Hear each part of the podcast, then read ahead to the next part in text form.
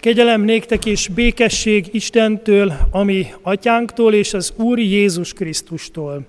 Amen. Testvéreim az Úrban, hallgassátok meg Bőjt első vasárnapjának ige hirdetési alapigéjét megírva találjuk a Máté írása szerinti evangélium negyedik fejezetében, az első tizenegy versben a következőképpen. Akkor elvitte Jézust a lélek a pusztába, hogy megkísértse az ördög. Miután 40 nap és 40 éjjel bőjtölt, végül megéhezett. Ekkor oda ment hozzá a kísértő, és ezt mondta. Ha Isten fia vagy, mondd, hogy ezek a kövek változzanak kenyérré. Ő így válaszolt, meg van írva, nem csak kenyérrel él az ember, hanem minden igével, amely Isten szájából származik. Ezután magával vitte őt az ördög a szent városba, a templom párkányára állította, és így szólt hozzá. Ha Isten fia vagy, vesd le magadat, mert megvan írva, angyalainak parancsot ad, és kézen fogva vezetnek téged, hogy meg ne üsd lábadat a kőben. Jézus ezt mondta neki, viszont megvan írva, ne kísérsd az Urat, a te Istenedet. Majd magával vitte az ördög egy igen magas hegyre, megmutatta neki a világ minden országát és azok dicsőségét, és ezt mondta neki, mindezt neked adom, ha leborulva imádsz engem. Ekkor így szólt hozzá Jézus, távozz tőlem, sátán, mert megvan írva, az Urat, a te Istenedet imád, és csak neki szolgálj. Ekkor elhagyta őt az ördög, és íme angyalok mentek oda, és szolgáltak neki. Amen. Ez Isten írott igéje. Foglaljunk helyet.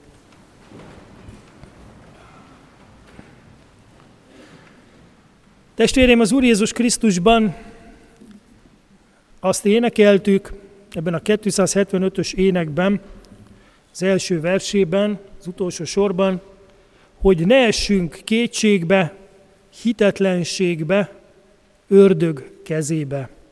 Ne essünk kétségbe, hitetlenségbe, vagy ördög kezébe. Ezért ma nem is annyira direkt, közvetlenül a magáról a történetről beszélnék, szólnék, hanem egy kicsit azt szeretném, ha velem jönnének a testvérek, hogy megnézzük, hogy mit jelent az, hogy kísértés és megpróbáltatás. Hiszen ez csak is a Biblia felől értelmezhető igazából, ez a két fogalom, pedig a világban is használják a kísértést főleg, majd elmondom, hogy miért. Jakab apostol a következőket írja. Teljes örömnek tartsátok testvéreim, amikor különféle kísértésekbe estek, tudva, hogy hitetek próbája álhatatosságot eredményez. Ha pedig valakinek nincsen bölcsessége, kérjen Istentől, aki készségesen és szemrehányás nélkül ad mindenkinek, és meg is kapja. De hittel kérje, semmit sem kételkedve, mert aki kételkedik, az olyan, mint a tenger hulláma, amelyet a szél sodor és ide-oda hajt. Ne gondolja tehát az ilyen, hogy bármit is kaphat az Úrtól, a kétlelkű és minden útján álhatatlan ember. Ez az ige nagyon érdekesen, tehát azt mondja, hogy nem ő, kell kétségbe esni, vagy nem kell megijedni a kísértéstől, akkor, hogyha tudjuk, hogy ez a hitünknek a próbája, és ez álhatatosságot eredményezhet. Azt mondja Jakab, hogy bölcsességet lehet kérni,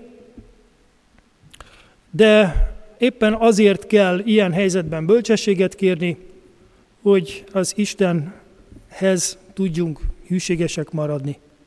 És nem szabad ugye ide-oda sodródni, sodortatni, ahogy ezt a képet használta, mint a tenger hulláma. Az a másik kép jutott eszembe, amit talán inkább már ilyen animációs filmekben, vagy rajzfilmeken, vagy filmekben megjelenítenek, hogy a főhősnek a vállán ül, a jobb vállán mondjuk ül a kisangyal, a másik vállán ül a kisördög, és ez sugdos mindenfélét ad tanácsokat neki, hogy mit tegyen, vagy mit ne tegyen. Hogyha ilyet látunk, nem mindig derül ki, hogy a mögöttes hatalommal is számolnak az ilyen megjelenítések. Valahogy le van fokozva kisördögre és kisangyalra ez az egész, és olyan könnyed játszogatásnak tűnik. Az ember a főszereplő, sokszor őt állítják be, hogy ő van döntési helyzetben, és ezek csak olyan kis tanácsoló lelkecskék, akik ott vannak vele, kisangyal és kisördög, és ő döntheti el, hogy mit válaszol, az ő saját érzése, saját belátása, saját jó tetszése szerint. És nagyon sok esetben szándékosan nem láttatják a mögöttes hatalmakat. Tehát se azt, hogy a kisangyal mögött kinek, ki az, kinek lenne a követe igazából Istennek, se az, hogy a kisördög, az kisördög esetében pedig ugye magának a sátánnak lenne az üzenője, követe. És ez szándékolt, szándékolt az ilyen megközelítés, mert a modern ember az a maga kezében akarja tudni az életét, és maga akarja irányítani az életét, és azt gondolja, hogy a nehézségek közepette is, meg azt gondolja, hogy a kísértések közepette is a kezében tudja tartani az irányítást, és hogy majd ő, ő szépen elrendezi a dolgait, csak egy kicsit kell esetleg ide vagy oda hallgatnia, de éppen attól függően, hogy ő mit akar elérni. A kísértésbe estem ige vagy mondat, az világi környezetben is élhet, és világi környezetben is adekvát, valós élmény lehet. Viszont aki nem az Isten felől közelíti meg ezt a kérdéskört, tehát nem Isten hívőként, az annak számára mit jelent a kísértés? Tulajdonképpen egyfajta támadást a személyisége, az én kialakított én képével szemben, az integritása, integritásával szemben. Tehát jön egy olyan nehézség, jön egy olyan csábítás, ami a saját maga által kialakított énképet próbálja meg lebontani, és máshová tenni az erkölcsi mércét. Tehát világi környezetben is lehet beszélni kísértésről, de viszont éppen az a helyzet, hogyha ezt az erkölcsi mércét ide-oda akarjuk tologatni, és ez nem egy élő személyhez, nem, egy, nem az Istenhez kötődik, hanem mindig más és más nézőponthoz, akkor tulajdonképpen ezt a kézzeletbeli erkölcsi mércét csúszkaként lehet ide-oda húzogatni, tologatni, és az ember maga határozza meg, hogy mi alapján dönti el, hogy mi a jó és mi a rossz, mi a kísértés, és mi az, ami igazából édes bűnbelsés. Nos, a Biblia azt mondja, hogy csak is Istennel való kötődésben és kapcsolatban van igazi jelentősége ennek, hogy kísértés és próbatétel. Mert hát hiszen a hívő ember is átéli és megéli ezt, bizony mi is erőtlenek vagyunk sokszor, és mi az Istennel való kapcsolatunk mentén ér, érzünk támadásokat, és a próbatételeink, a nehézségeink is legtöbbször kétségbe ejtenek bennünket Isten jósága felől. Ezért utaltam erre az énekre, hogy ne essünk kétségbe vagy hitetlenségbe.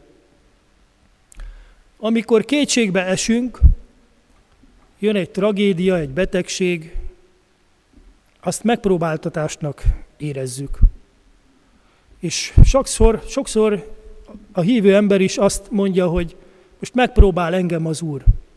Megméri az én kötődésemnek az erejét ezzel a helyzettel.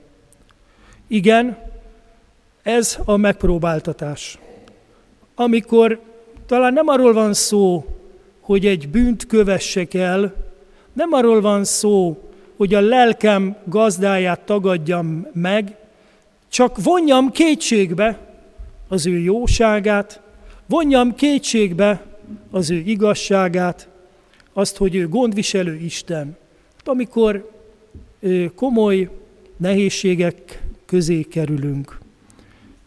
Melyikünk az, aki ne esett volna már így kétségbe, melyikünk az, aki ne kérdőjelezte volna már meg ilyen esetben Isten gondviselő szeretetét. Ez a kétségbesés. És ementén van a megpróbáltatás. De mondom, ez azzal a háttérrel, hogy Istennel kapcsolatban vagyunk. A kísértés az egy kicsit más. Ahogy látjuk is Jézus példáján, a pusztában az ördög kísérti őt. El akarja téríteni a küldetésétől, el akarja téríteni Isten fiúságának önazonosságától, és meg akarja kérdőjelezni ezt, tehát tulajdonképpen a lelkét támadja az ördög, a személyiségét, hogy tagadja meg, hogy ő az Istenhez tartozik. Nos, a kísértés az egy ilyen dolog, amikor a lelkünket kezdi ki egy csábítás, egy bűn, egy rosszra hívogató dolog, mert az szépen lassan éppen azt akarja elérni, hogy mi a más főhatósága alá kerüljünk, és ne maradjunk Istennél. Eszembe jutott Radnóti Miklós Töredék című verse.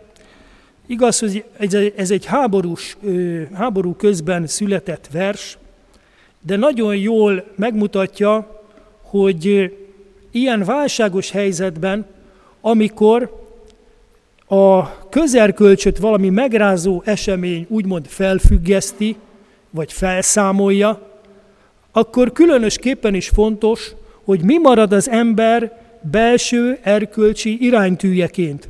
Mihez viszonyítja cselekedetei erényességét, avagy bűnösségét. És ö, ilyeneket ö, hallhatunk ebben a versben.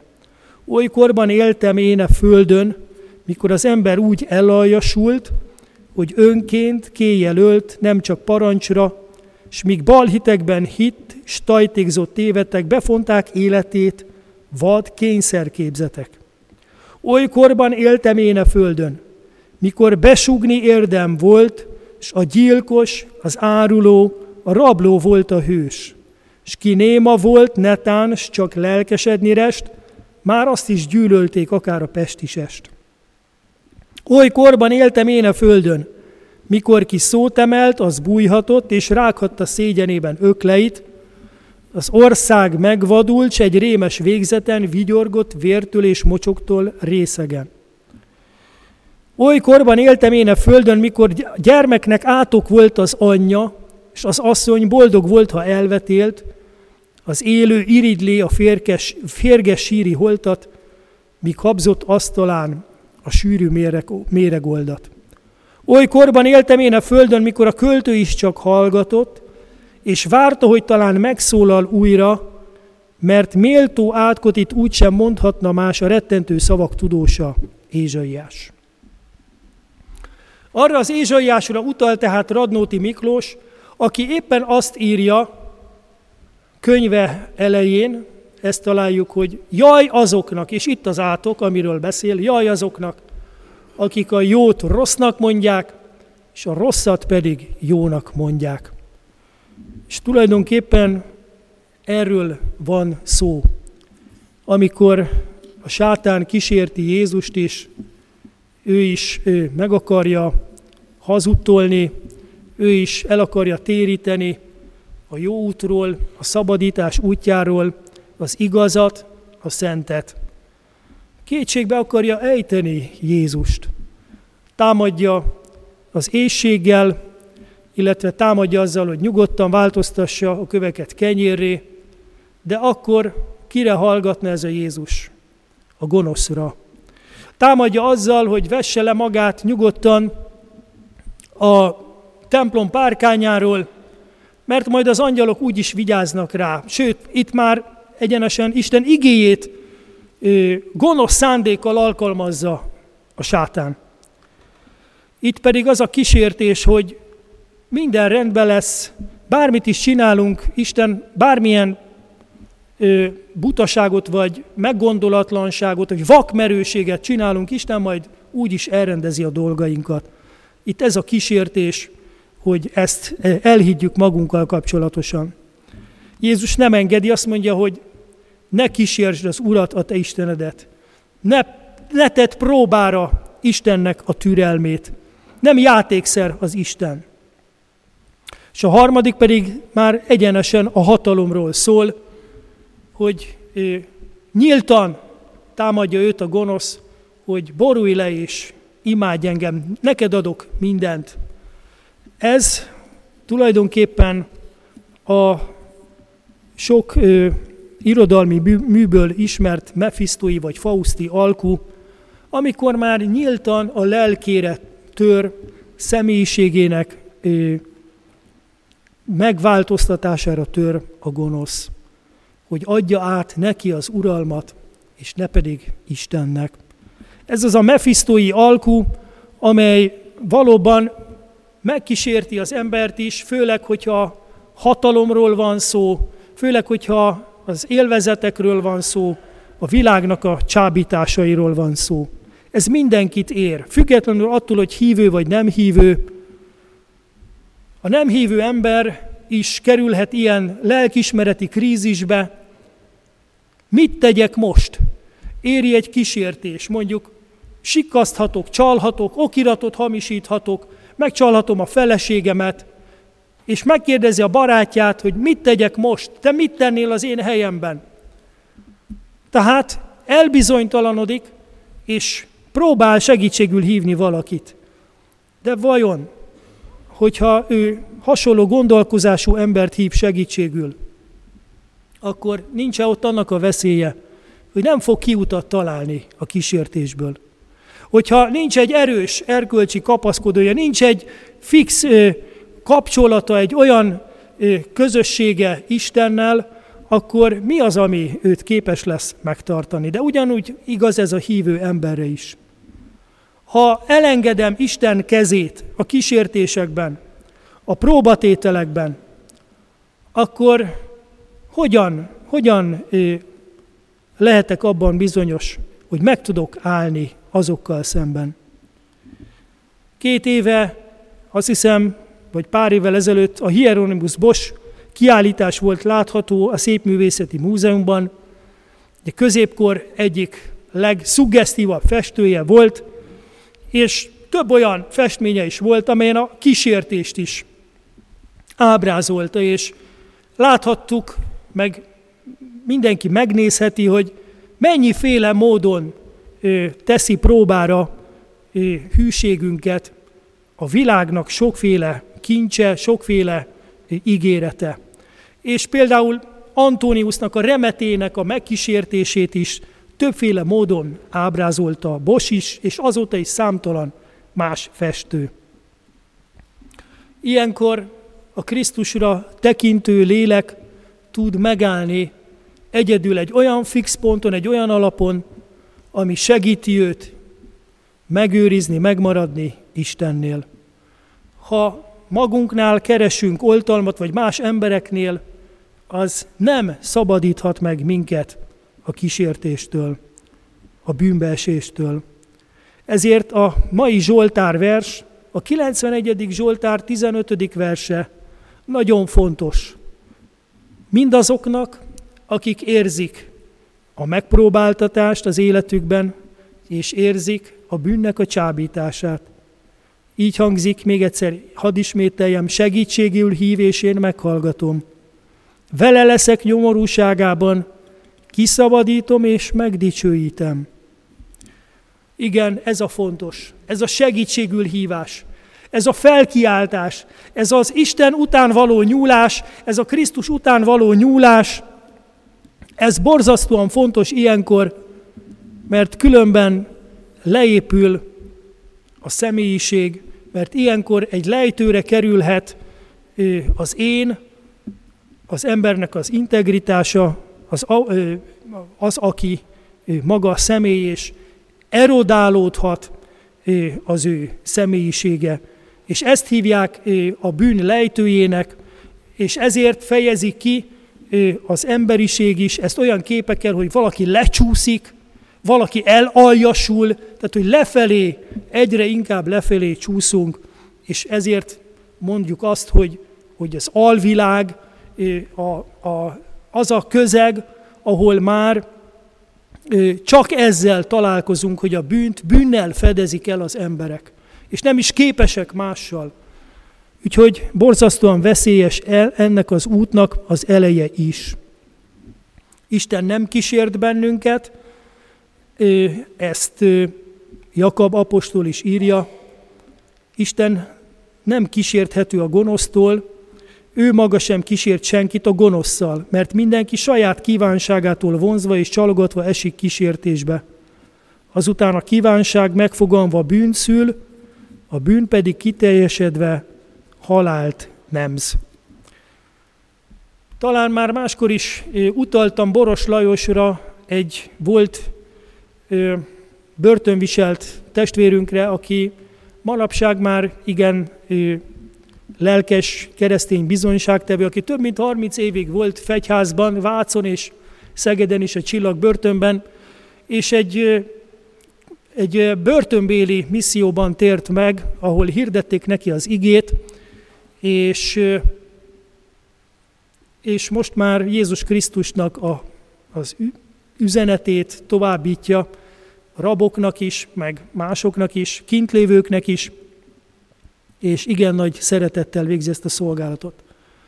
Ő mondta egyik interjújában, amit vele készítettek, hogy az ördögnek az a hazugsága, a gonosznak az a hazugsága, hogy ígér mindenféle jót, kedvezőt, csábítót, de soha nem mutatja meg az útnak a végét. Soha nem mutatja meg, hogy az hova fog vezetni végül.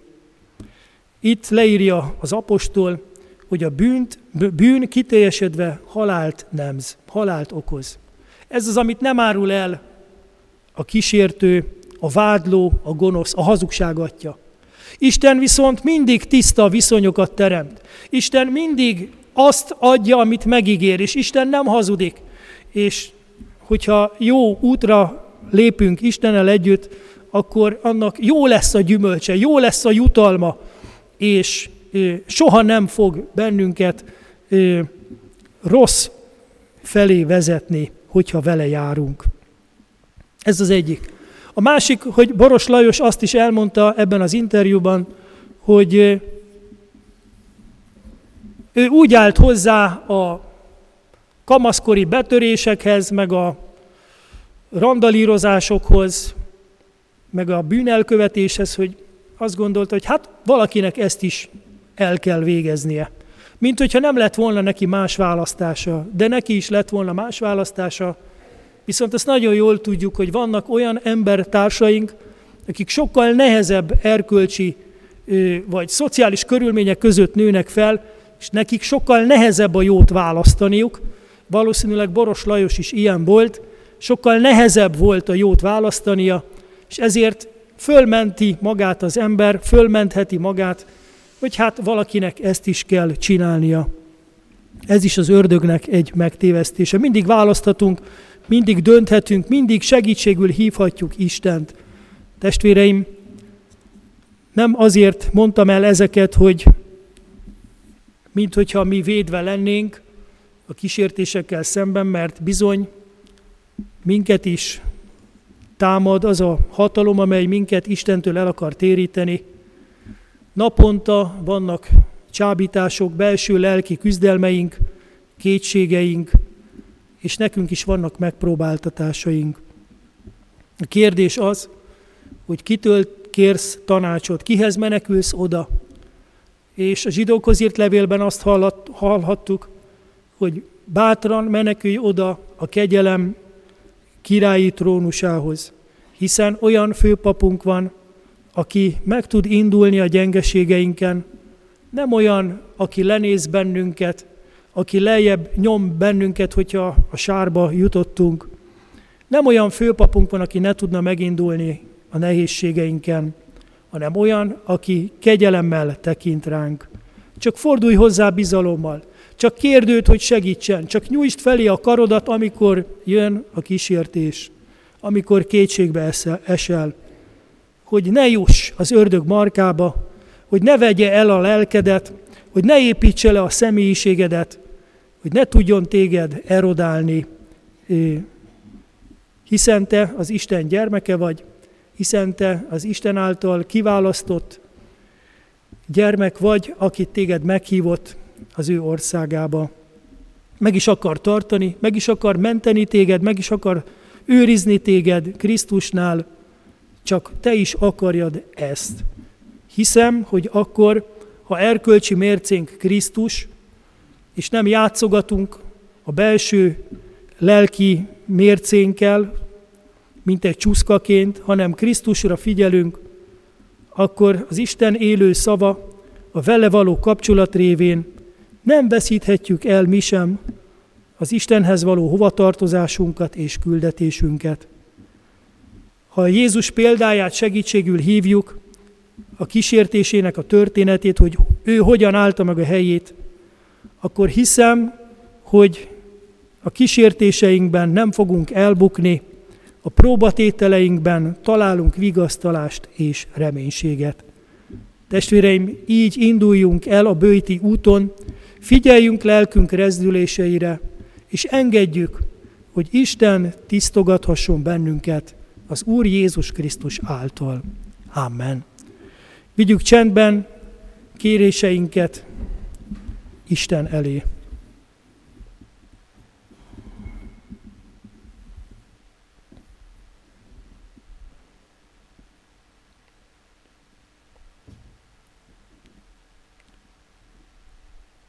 Urunk, köszönjük, hogy hozzád kiálthatunk a kísértések, a kétségek között is. Köszönjük, hogy Te ott vagy, és Te vagy a mi szabadítónk. Amen.